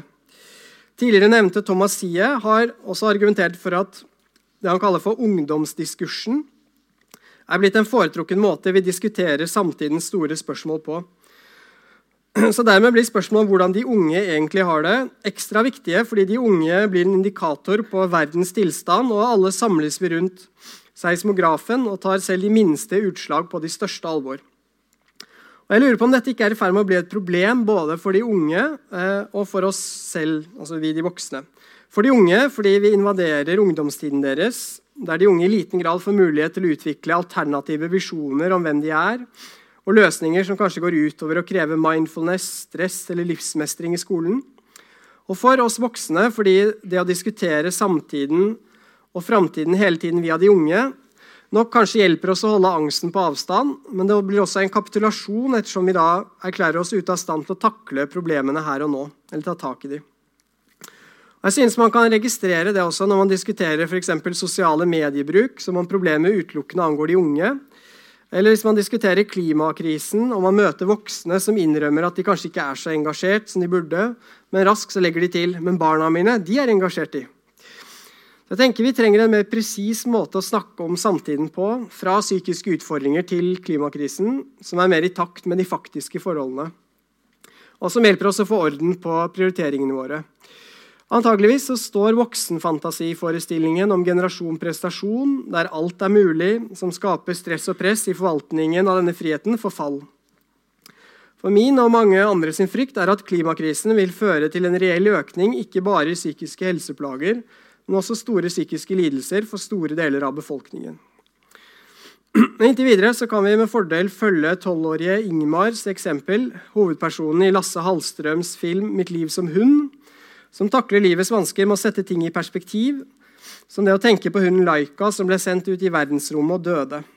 Man måste jamføre, sier han. Det ligger en trøst i det også. og Kanskje er det også en måte å bli et voksent, ansvarlig menneske på. Det å sette ting i perspektiv. For å mane ikke bare de unge, men også de voksne til handling. Av hensynet til oss selv og fremtidige generasjoner. Det er menneskets vesen og ansvar. Takk for oppmerksomheten.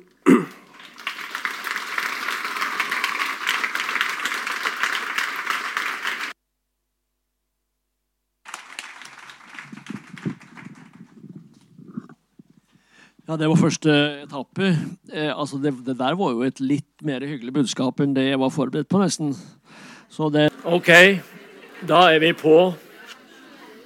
Fint at så mange mm, er igjen, eller altså vil være med på fase to. Det er jo mye å ta tak i her. Eh, så nå gjør vi det slik at jeg prøver å følge med her sånn og gi et tegn, og så vil det være to som går omkring med mikrofoner her med spørsmål. Vi ser uh, disse tegn, da. Ja, De får vinke klart og tydelig, så skal jeg prøve å dirigere de to her. Så vær så god.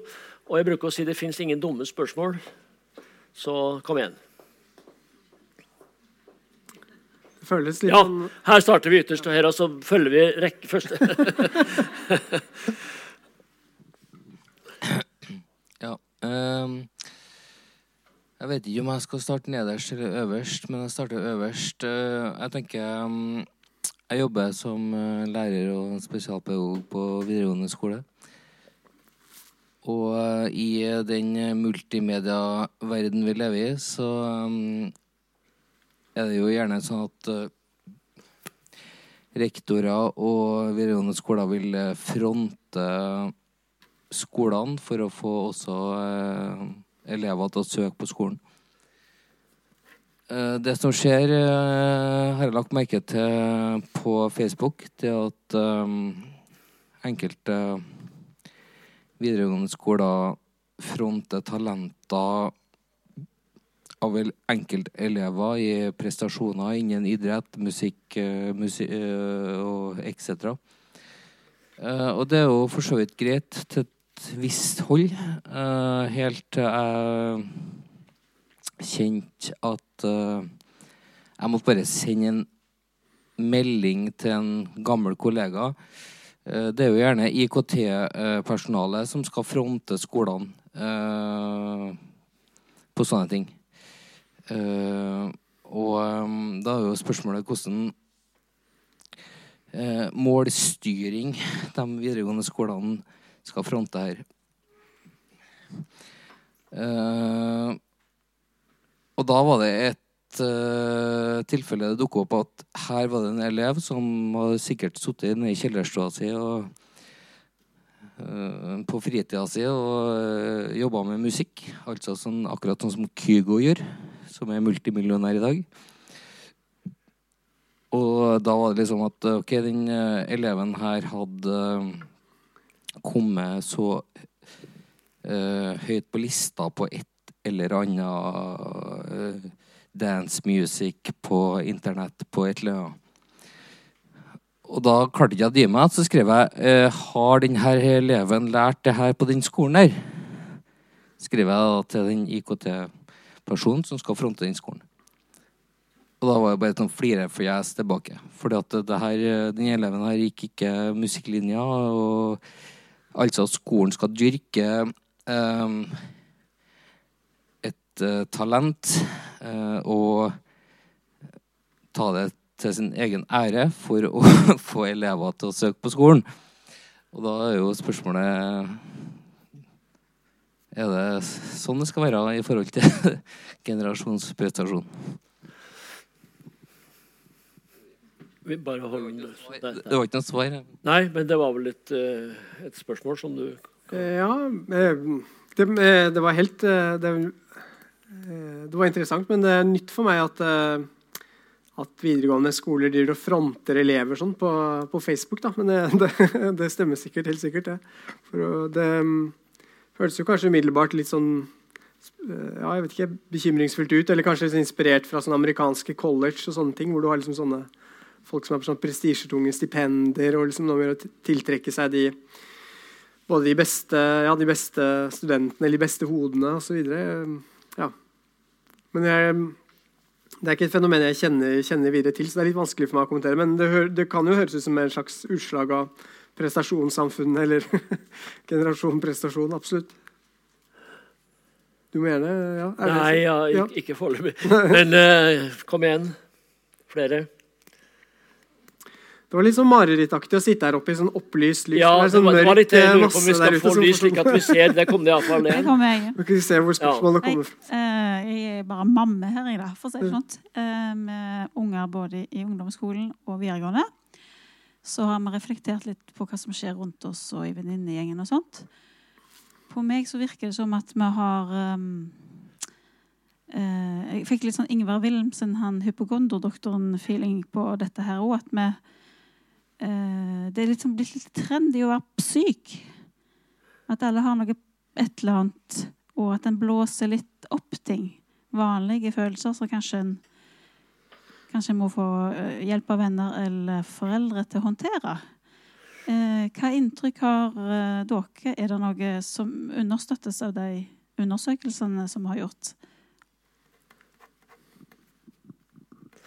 Skal vi ta en runde på hypokondrien her? Wilhelmsen står på blokka mi. Bare så de vet det. Ja. OK? Ja, jeg tror det Jeg tenker vel kanskje at, eh, at økningen av, eller, eh, i psykisk helseplager både er, er, eh, er reelt, og samtidig at du nok har rett i at det også er blitt mer eh, trendy eller mer eh, akseptert også, kanskje, å, å stå fram. Noen mener jo til og med at det er noe som gir en type mm, identitet, da, eller eh, ja, eh, anerkjennelse. Jeg vet ikke, det, eh, hun, eh, Nina Lykke, forfatteren, ga jo ut en bok kjenner du den, i forfjor, hvor hun har en veldig sånn morsom beskri treffende beskrivelse av det. Det anbefales. Da er det vel en sånn lærerinne som forteller om liksom hvordan de ulike elevene hennes alle har en diagnose, og hvordan de forteller den villig, villig om den liksom, eh, som sånn særemne. Hun sammenligner med at de viser det fram som en medalje eller, eh, eller sånne ting. da. Um, det er liksom hennes beskrivelse av, av, av hverdagen. Da. Men uh, jeg vet ikke, det, no, det blir jo også referert til noen ganger som den nye, den nye åpenheten, kall, kaller man det. Jeg tror fortsatt det er den gamle lukketheten da, som, som rår rundt psykiske lidelser. Den nye åpenheten har vel sikkert en hel del bra med seg. At det er mindre skambelagt eh, enn tidligere. Eh, lettere å, å snakke om. Samtidig så kan det også gjøre det kanskje lettere å bli syk, også i en negativ forstand. altså at Det er liksom en sånn, ja, det kan slå, slå begge veier. men det, det, ser ut som at man liksom mest snakker om de positive, positive virkningene av det. Da, I liksom en slags sånn åpningen å stig, eller altså, ja, stigmaets navn. Ja, eh, samme mann. Hvis det er noen som vil komme ned for kjøpet, så må det være rask. Hvis ikke, så vi, vi, prøver der først, nå, så skal du nok komme til orde. Vær så god.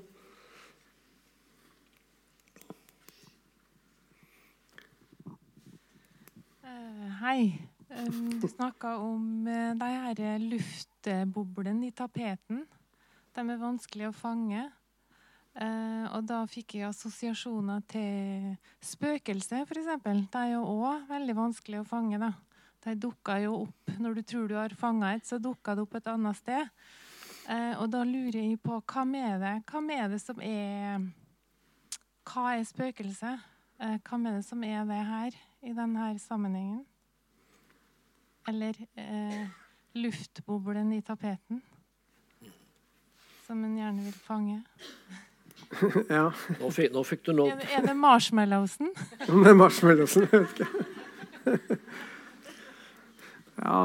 Nei, jeg, jeg, mente det Eller jeg mente det vel bare som om at på en måte den bekymringen av voksenbekymringen for de unge ser ut til å være rimelig konstant, men innholdet i den endrer seg. Da, at det var det som var liksom den luftbobleanalogien. Jeg har ikke tapetsert så veldig mange ganger, så jeg er kanskje dårlig til det. Men det er i hvert fall, jeg har opplevd det å stå med sånn at du trykker inn, og så bare popper det opp et annet sted. Um, så jeg synes jo Det er jo akkurat sånn, det er noe nesten noe litt sånn komisk. da, hvordan, I hvert fall når jeg var, gikk på ungdomsskolen, så vi ble liksom, litt sånn skremt av sånne eh, kampanjer mot eh, røyking og drikking. Jeg husker selv at det var en som jeg lurer på må ha vært fra noen sånn statlige myndigheter som, som foreldrene mine var særlig opptatt av, nemlig det her at hvis man begynte å drikke tidligere som ung, jo store sannsynlighet var det for at man ble alkoholiker som voksen. Det jeg ikke hadde lært meg da, da som tenåring, som jeg senere lærte på sånn psykologi-metodekurs, er at det er noe som heter tredjevariabler osv. Sannsynligvis er det en bakenforliggende variabel da, som gjør at de som begynner å drikke som tidlig, også ender som alkoholikere som unge. Ikke det at de begynte å drikke som tidlig, men kanskje at det er liksom, ja, et mer komplekst årsaksbilde. Men det ble i hvert fall vi skremt med. Men at det er noe nesten litt sånn eh, ja, noe sånn rituelt som utspiller seg. Da. Nå er, bekymringen, at de ikke er ute og drikker. Nå gjør de det for lite.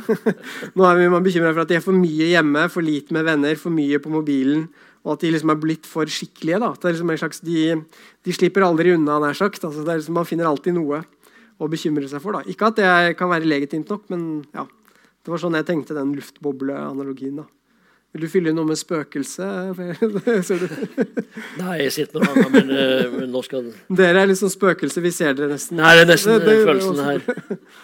ja. ja, kom igjen. Hvis ikke, så eh, Ja, du, du må Alle får sjansen først før andre gangs runde starter. Vær så god. Det er det du, ja.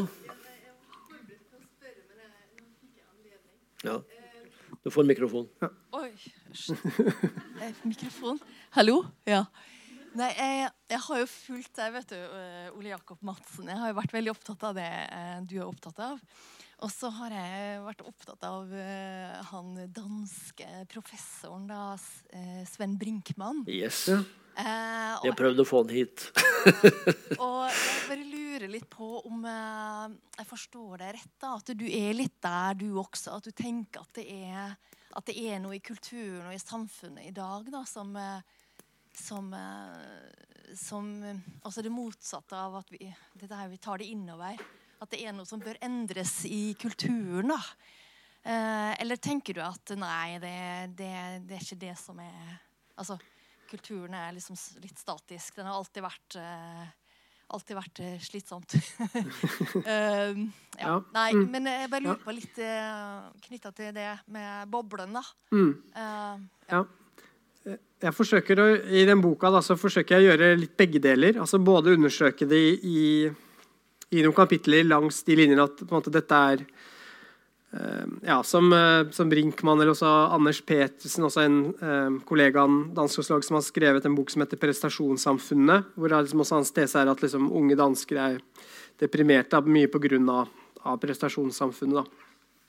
Så da har du på en måte én tankemodell da, som kanskje tilsier at det, eh, det er på en måte verre å være unge før, eller at måte, det i hvert fall eh, ja, noe er i endring, og at det er liksom samfunnet eller politikken vi må endre. Mens den andre type kritikken er litt mer som, som boblemetaforen. At den sier at eh, det har alltid vært hardt å være ung, men kanskje måten vi snakker om det, endrer seg på på sett og vis.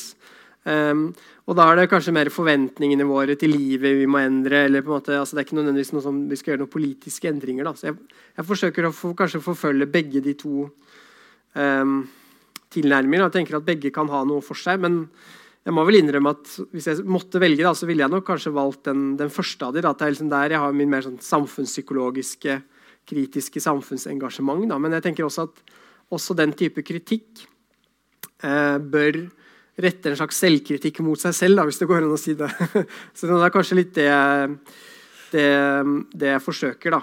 Um, og så får jeg kanskje leve med at jeg kanskje ikke da vil bli like populær som som min gode gans, danske kollega da, på en måte med å komme ja, med en sånn selvkritikk. Ja, det var det jeg kjente litt på. skjønner du. ja. Jeg hadde liksom litt forventninger om å få litt mer på det. Men det, det, jeg trengte også den kritikken, da. Ja. Det, takk mm. for det. Mm. Mm. Ja, vi ser nesten ingenting her, da, men uh... Det er en hånd langt der bak. Jeg, tror jeg. Ja. ja. Et kjapt uh, teknisk spørsmål. Ja. Ønsker dere noe sånne spørsmålsrunde? Ønsker dere lys i salen? Det er det jeg begynner å lure på. ja. Da ordner vi med det òg. Gjør det. gjør det. Og så er det noen som er i gang der.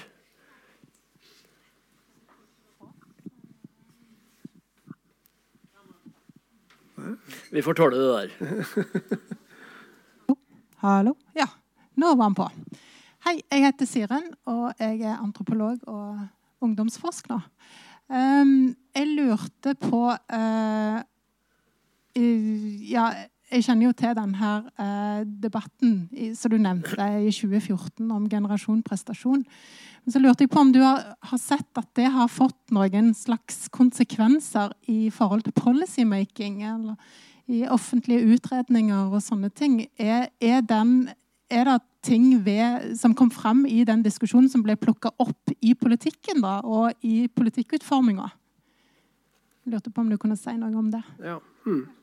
ja det, er veldig, det er et veldig godt spørsmål. Det, uh, nei, jeg, jeg, jeg, forsøker å, å spore da, denne, dette generasjonsprestasjonsbegrepet bakover, sånn som du sier. Um, og Kan jeg rekke å svare litt sånn fyldig på det? Et lite mini, ja. Eller, ja, Fordi det ser ut som hele begrepet da, generasjon prestasjon er liksom og jeg har ikke jeg har ikke lykkes å finne det for noe sånn tilsvarende i USA. For eksempel. Jeg har til og med spurt en sånn amerikansk forskerkollega. De sier kanskje 'millennials' eller 'me generation' eller noe ting. Da. Så Generasjon prestasjon ser ut til å være prestasjonssamfunnets liksom, ektefødte barn. for å si det sånn, At det kommer fra denne metaforen med prestasjonssamfunnet. Og prestasjonssamfunnet har jeg spurt tilbake til en konkret bok av en britisk sosiolog og Labour-politiker som het Michael Young, som skrev en bok i 1958 som heter 'The Rise of the Meritocracy'. Den ble oversatt i en sånn Pax-serie på 60-tallet kanskje du husker den, som heter 'Intelligensen som overklassa'. noe sånt på nynorsk. Han Young er særlig kjent for å ha innført dette meritokratibegrepet. Da, men i oversettelse til norsk, kanskje ikke fordi vi har noe aristokrati, eller sånn på samme måte, altså brukte man prestasjonssamfunnet, da, ser det ut til i oversettelsen.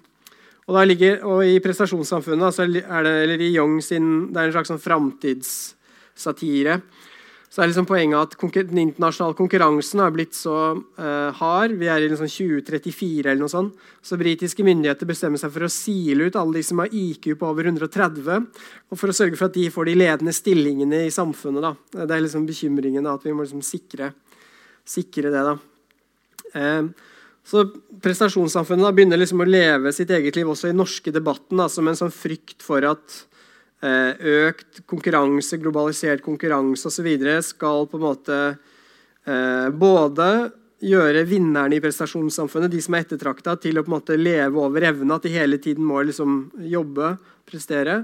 Og at det er mange som faller utenfor dette prestasjonssamfunnet. Da. Og det, dette ser ut til å avføde den generasjon prestasjon og Den første som bruker det i, Jeg har gjort søk i Atext uh, Retriever, den uh, søkerdatabasen for norske aviser. Det er den norske legen og tidligere journalisten Charlotte Lunde i et essay ikke lenger enn 2000, tilbake enn 2011. Eh, hvor hun har skrevet et essay i Morgenbladet om sånn akademisk doping. Altså folk som bruker type eh, ja, Ritalin eller andre typer eh, liksom, såkalte smart drugs da, for å kanskje prestere bedre eller være liksom mer våken i en eksamensperiode eller en hel uke hvor de pugger. da. Så Opprinnelig så det, liksom, er det knyttet opp til en sånn medikaliseringstankegang. at man bruker noen form for sånn eh, type ja, um, drugs eller noen sånne ting. Men så da etter et par år så blir det mer og mer frakobla det medikaliserte elementet. Da. Og hun Marit Bromark for eksempel, en av de første da, som bruker generasjon prestasjon da, i 2014. Eh, og som jeg forsøkte å vise deg eksempelet mitt, så ser det ut som det blir, ganske, det blir raskt plukka opp av ungdommen selv, hvor de begynner å si sånn Ja, vi er generasjon prestasjon osv. Jeg vet ikke om dere ser på Melodi Grand Prix Junior, eh, hvis noen av dere har små barn, kanskje. Men i fjorårets finale så var det eh, et sånt ska-band som hadde en låt som het 'Generasjon prestasjon', f.eks. Og de var da visstnok inspirert av alle ungdommene som forsøkte å prestere på Melodi Grand Prix Junior. Så det blir veldig sånn meta-meta. De synger da 'Generasjon prestasjon'. Dette er en rar situasjon. Eh, og det er det jo unektelig, da. Men for å forsøke å svare på det spørsmålet ditt, så kan det hende at kanskje tidsrommet da, fra 2014 til 2018 er litt kort for å kunne påvise liksom, at det har gitt seg noen resultater i policymaking. Men det jeg syns jeg kan se, er at det er en sånn økende forklaring til å forklare ungdoms ufør med å si generasjon prestasjon, eller at unge blir utsatt for mye stress og press. Um, når man skal forklare ungdata, også lokale ungdataundersøkelser, da, uh, f.eks. Uh, eller blant såkalte eksperter, sånn som meg, hvis man blir spurt av journalister hvorfor unge sliter mer enn dagen før. Så det ser ut som den på en måte forklaringsmodellen da, blir mer og mer populær. Uh, som kanskje går på bekostning av dens representativ identitet sammenligna med liksom det mer sånn tradisjonelle bildet av unge som sliter mest, de som står, står utenfor.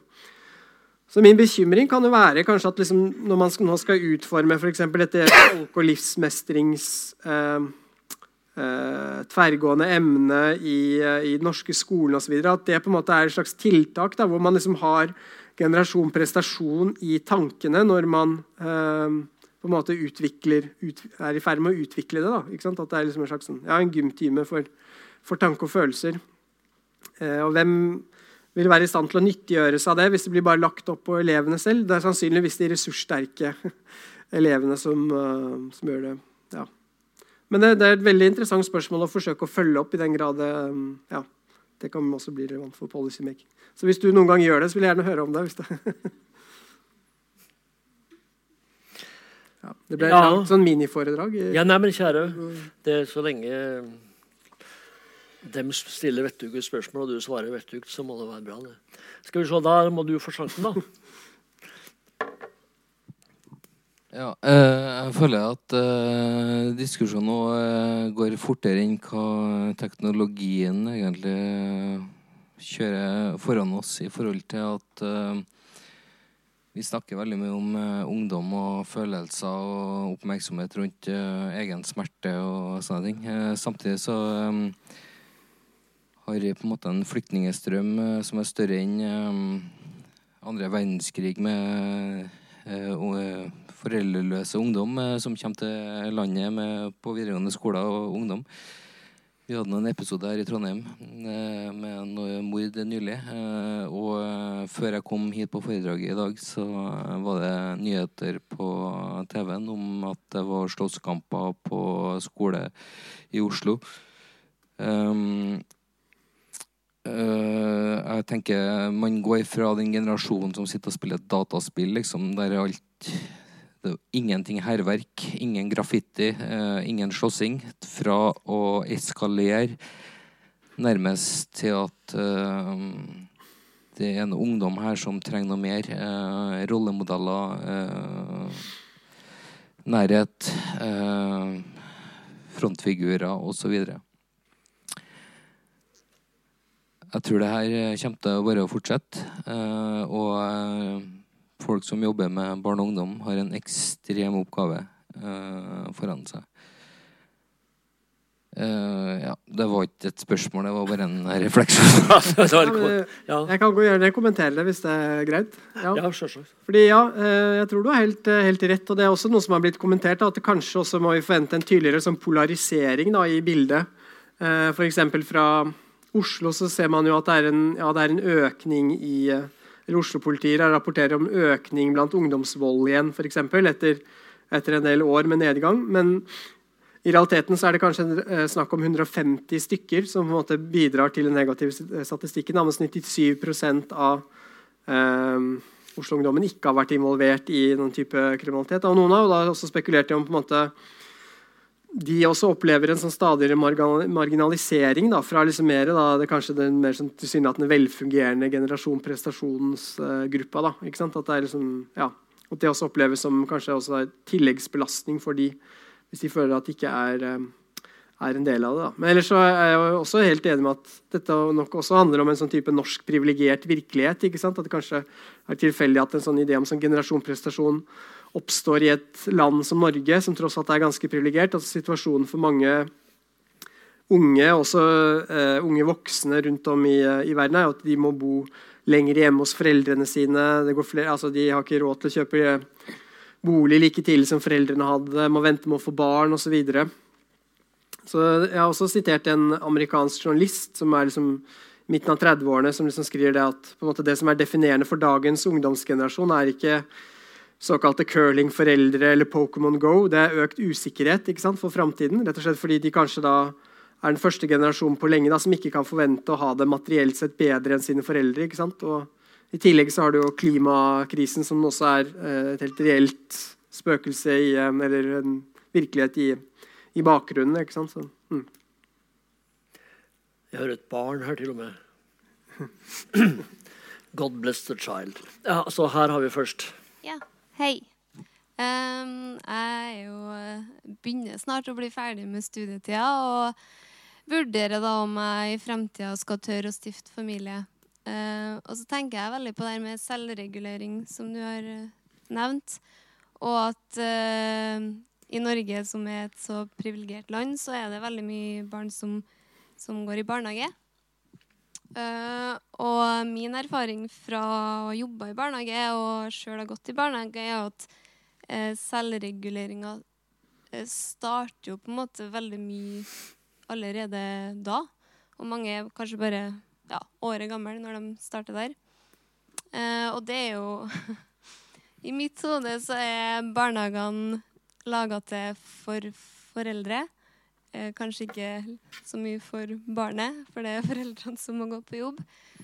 Eh, og så Jeg vet ikke helt. Eh, er det på en måte den foreldregenerasjonen som setter barna i, i sånn miljø der de tvinges til å selvregulere, og at foreldrene på en måte skaper noen sånne rammer, og så tvinger, tvinger barna til å selvregulere? At det blir liksom Fordi at man er Jeg vet ikke. Jeg vet ikke helt hva spørsmålet er eh, heller, men um, ja. At som du kanskje snakka litt om, at de lar det være veldig åpent for ungene sjøl å stake ut sin uh, fremtid eller å selvrealisere seg sjøl med alle ressurser man har tilgjengelig. Men ja, er det, er det sånn, på en måte? Ja, ja. Det, det er jo litt sånn eh, sprengkraft i spørsmålet ditt. for Det går vel inn i sånn her eh, debatt om sånn eh, ettåring i, i barnehagen. og Sånn. Jeg, jo, jeg føler meg også litt truffet av det selv. for jeg Min selvrealisering for å bli professor og sånt, hun forutsetter jo at mine tre barn har gått i barnehage fra de, fra de er ett år. Så jeg er naturligvis positiv til det. ikke sant? Det er liksom sånn slags sånn det er jo en sånn klassisk debatt om holdninger kommer før atferd, eller atferd kommer før holdninger. Noen ganger kan man tro at det siste er mest, eh, mest riktig. Da.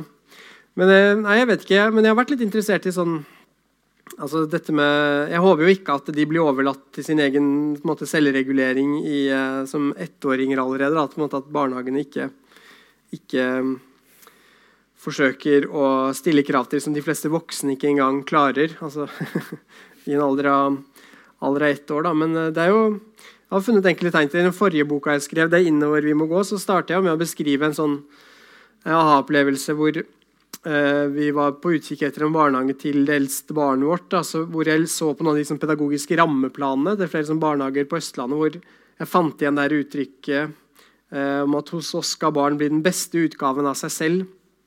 Eh, og en sånn idé om liksom, selvoptimalisering eller sånne ting da, som jeg tidligere hadde funnet i eh, norske kvinneblader, som liksom så ut til å hente mye av eh, tankegangen sin fra The Oprah Winfrey Show, hvis noen av dere husker det. Eh, det slutta å gå for noe tilbake. Hun ble jo noen gang kalt for dronningen av optimalisering. da.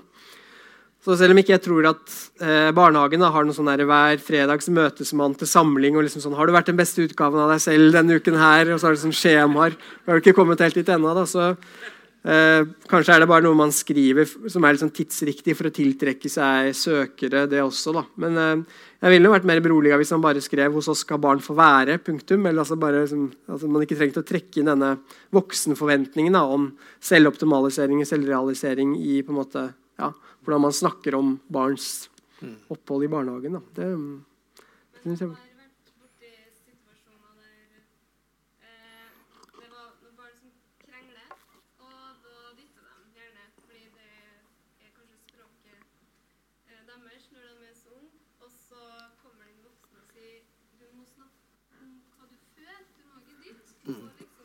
Ja. ja.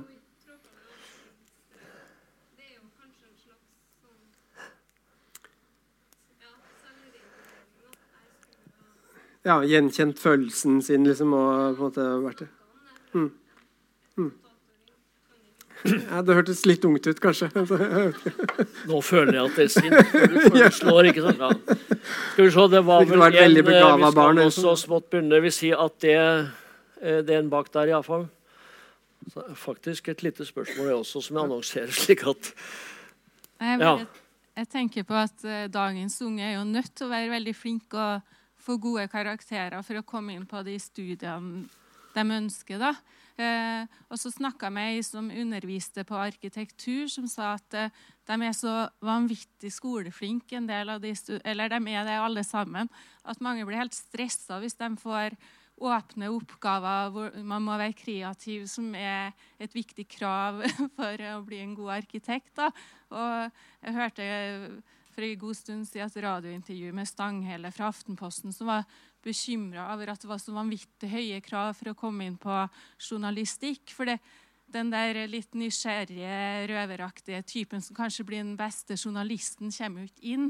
Eh, så hva tenker dere om det? det her voldsomme kravene til å prestere og være flink også kan være et problem for fremtidig yrkesutførelse. Da. Jeg vet ikke. Har du noen tanker rundt det? Mm, ja.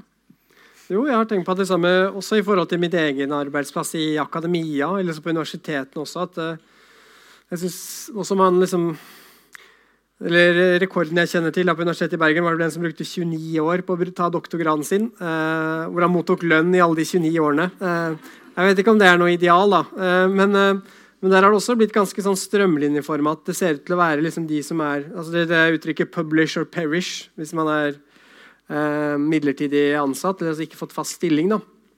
At også der ser det til å fordre til at man er veldig sånn produktiv, leverer resultater osv. Og jeg har også tenkt jeg noen ganger, liksom, Hva da kanskje med de litt mer sånn skal vi si, fritenkende, kanskje mer sånn originale typene som jeg forbinder med min universitetslærer, som kanskje ikke nødvendigvis var så opptatt av alltid liksom skulle eh, forvalte sine tanker i måte, et ferdig produkt. hvis du skjønner hva jeg mener. Altså, nå får vi jo til og med sånn råd om at Bruk aldri mer enn ett poeng i hver artikkel, for da kan du liksom dele de opp og, og på en måte publisere mer artikler. Det er liksom en sånn råd til unge, unge forskere, for eksempel? Eller skriv de kortest mulig, så du kan få mest mulig ut av ja, Spare dataanalysene til neste artikler. Da. Så jeg tror absolutt, eh, absolutt det er, eh, er poeng, og kanskje da noe som går tapt da, i det her, hva skal man kalle det, prestasjonssamfunnet eller noen sånne ting.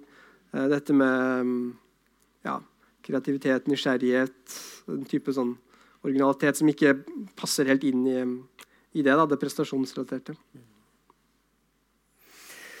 Jeg tenkte å slå et slag Jeg, tar, Ja, bruker en slags rett til å stille spørsmål. Også. Nei, jeg tenkte å slå et slag for den innbilt syke, eller for den innbilt elendige. Den innbilt ulykkelige. Altså, Det ligger litt i korta nå.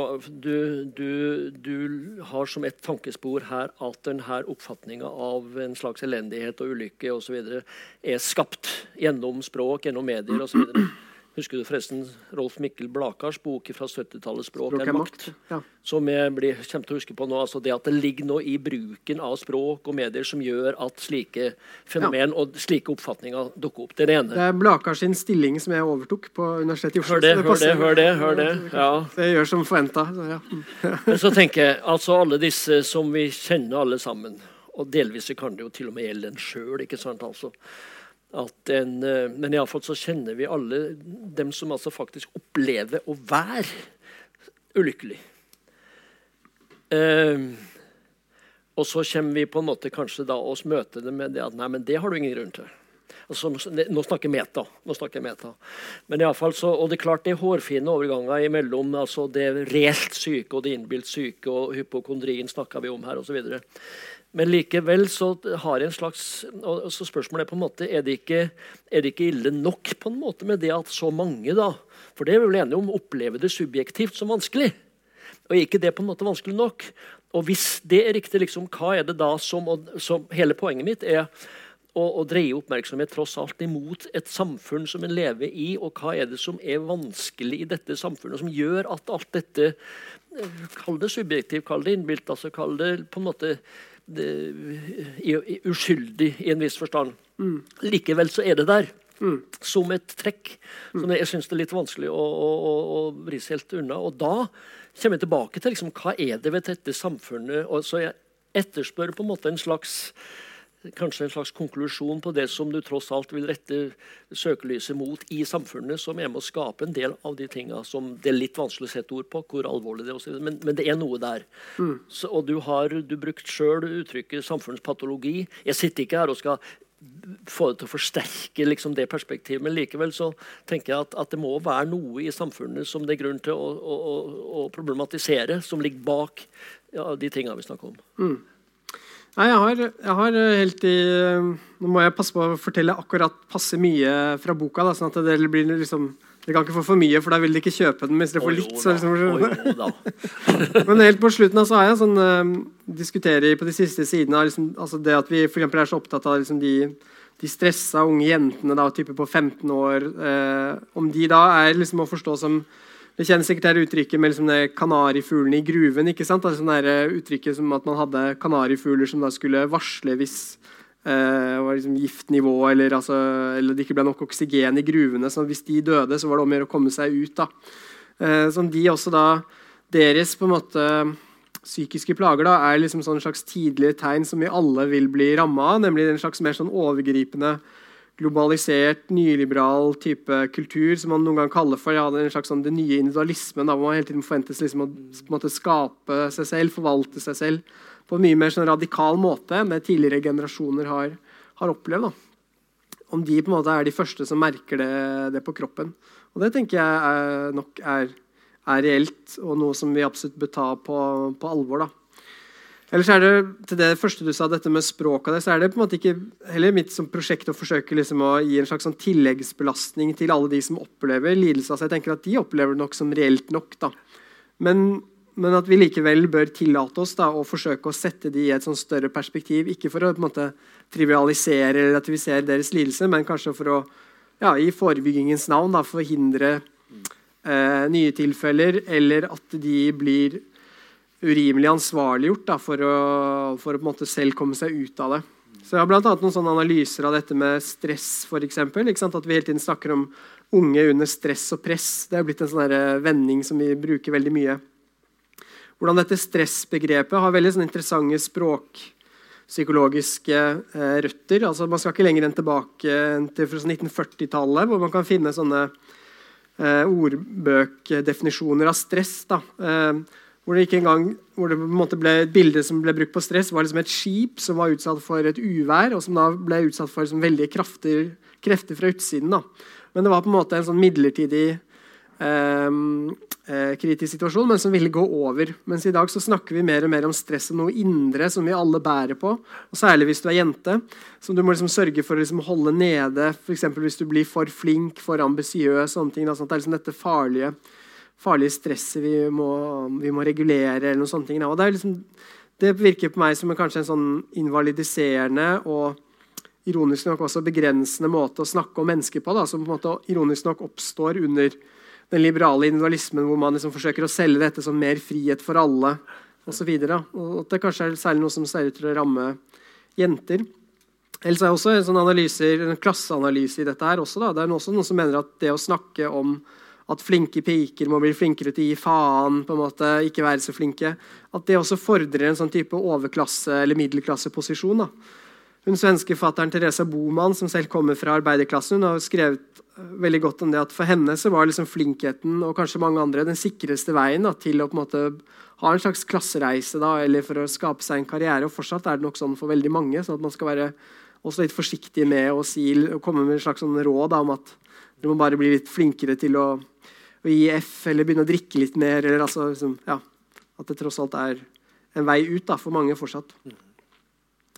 Ja. Nei, men jeg tror faktisk at Ja vel, OK. Skal vi si at det siste spørsmål?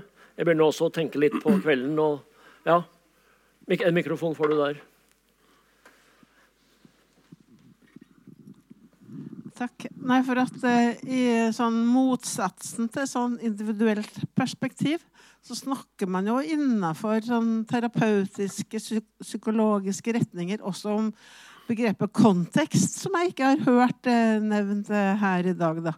Og, og det man tenker da mer at sant, når du har et problem, så holder det ikke at du får en psykoanalytisk behandling og ligger på divanen og, og fantaserer over at, hvordan det skal gå, eller hvordan du skal gjøre det. Men du drar inn eh, familien, du drar inn klassen, naboskapet, kollegaene. For at du er jo ikke skapt som et sånt individuelt vakuum for deg sjøl. Du er jo en konsekvens av det relasjonelle fra barnehagen og oppover. Og når du da skal behandles for en eller annen problem, syke, diagnose, så må man jo ta tak i den konteksten hvor dette er skapt i. Så det er jo liksom på en måte det jeg snakker om nå, det er jo mer en sånn behandlingskonsekvenser av det individualistiske oppdragelses- og handlings- og tenkemønsteret som vi har hatt i, i, vår kultur, da, tenker jeg. Sånn at eh, jeg etterlyste kanskje litt det perspektivet fra deg, da. Takk. Ja, eh, jo, eh, jeg syns det er en veldig betimelig påminnelse du kom med. Jeg forsøkte vel å eh, vise at kontekst i høyeste grad betyr noe da, i forhold til marshmallow-eksperimentet. hvor liksom Poenget var at man da nettopp som du sier da, forsøker kanskje å eh, bare liksom fryse ut noen slags sånn individuelle egenskaper som passer inn i et, sånt, et slags sånn individuelt kommersielt selvhjelpsbudskap, eller sånn som man kan selge i størst mulig grad, men som også kanskje risikerer å bli en sånn type skolepolitikk. Da. Men ellers er jeg veldig enig med deg, og jeg har også veldig sans for f.eks. en eh, latinamerikansk frigjøringsteolog, psykolog, som het Ignacio Martin Baro, som skrev et sånn essay før han døde, som heter 'Psykologens rolle'. Han er inspirert av Paulo Freies liksom, frigjøringspedagogikk, og sånn, hvor han skriver at ingen psykologisk intervensjon kan regnes som å være vellykket hvis den ikke også setter klienten i stand til å endre noe eh, faktisk ved den virkeligheten som han eller hun lever under. Da. Det holder liksom ikke bare å endre klientens tanker eller følelsesmønster, men man må faktisk også hjelpe vedkommende til å gjøre faktiske endringer da, i det livet som han eller hun lever i han hennes ja, lokalmiljø. Og det tenker jeg kanskje er et perspektiv som eh, ser ut til å være litt sånn tapt av syne eller gått litt sånn i glemmeboka noen ganger, når man i hvert fall hører om noen av disse mer sånn individualistiske retningene. Da, liksom.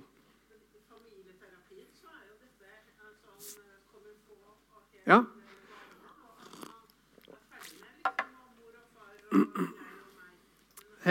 Helt enig. Helt enig, men det ser, ser, altså det ser ikke akkurat ut som at familieterapien har liksom vunnet fram. Da, snarere, eller liksom, hvis du tenker på liksom dens ja, utvikling. Ja, det. Nei, men jeg syns jo alt i alt at Ole Jakob nå har gitt en veldig sånn på den ene siden edruelig og nyansert uh, bilde av, av dagens uh, realiteter for unge. Og på den andre sida ikke har vært blind for å opprettholde sin bekymring på noen punkt. Så den blandinga der syns jeg er veldig, veldig bra. Så mange takk skal du ha. Takk for at jeg fikk komme.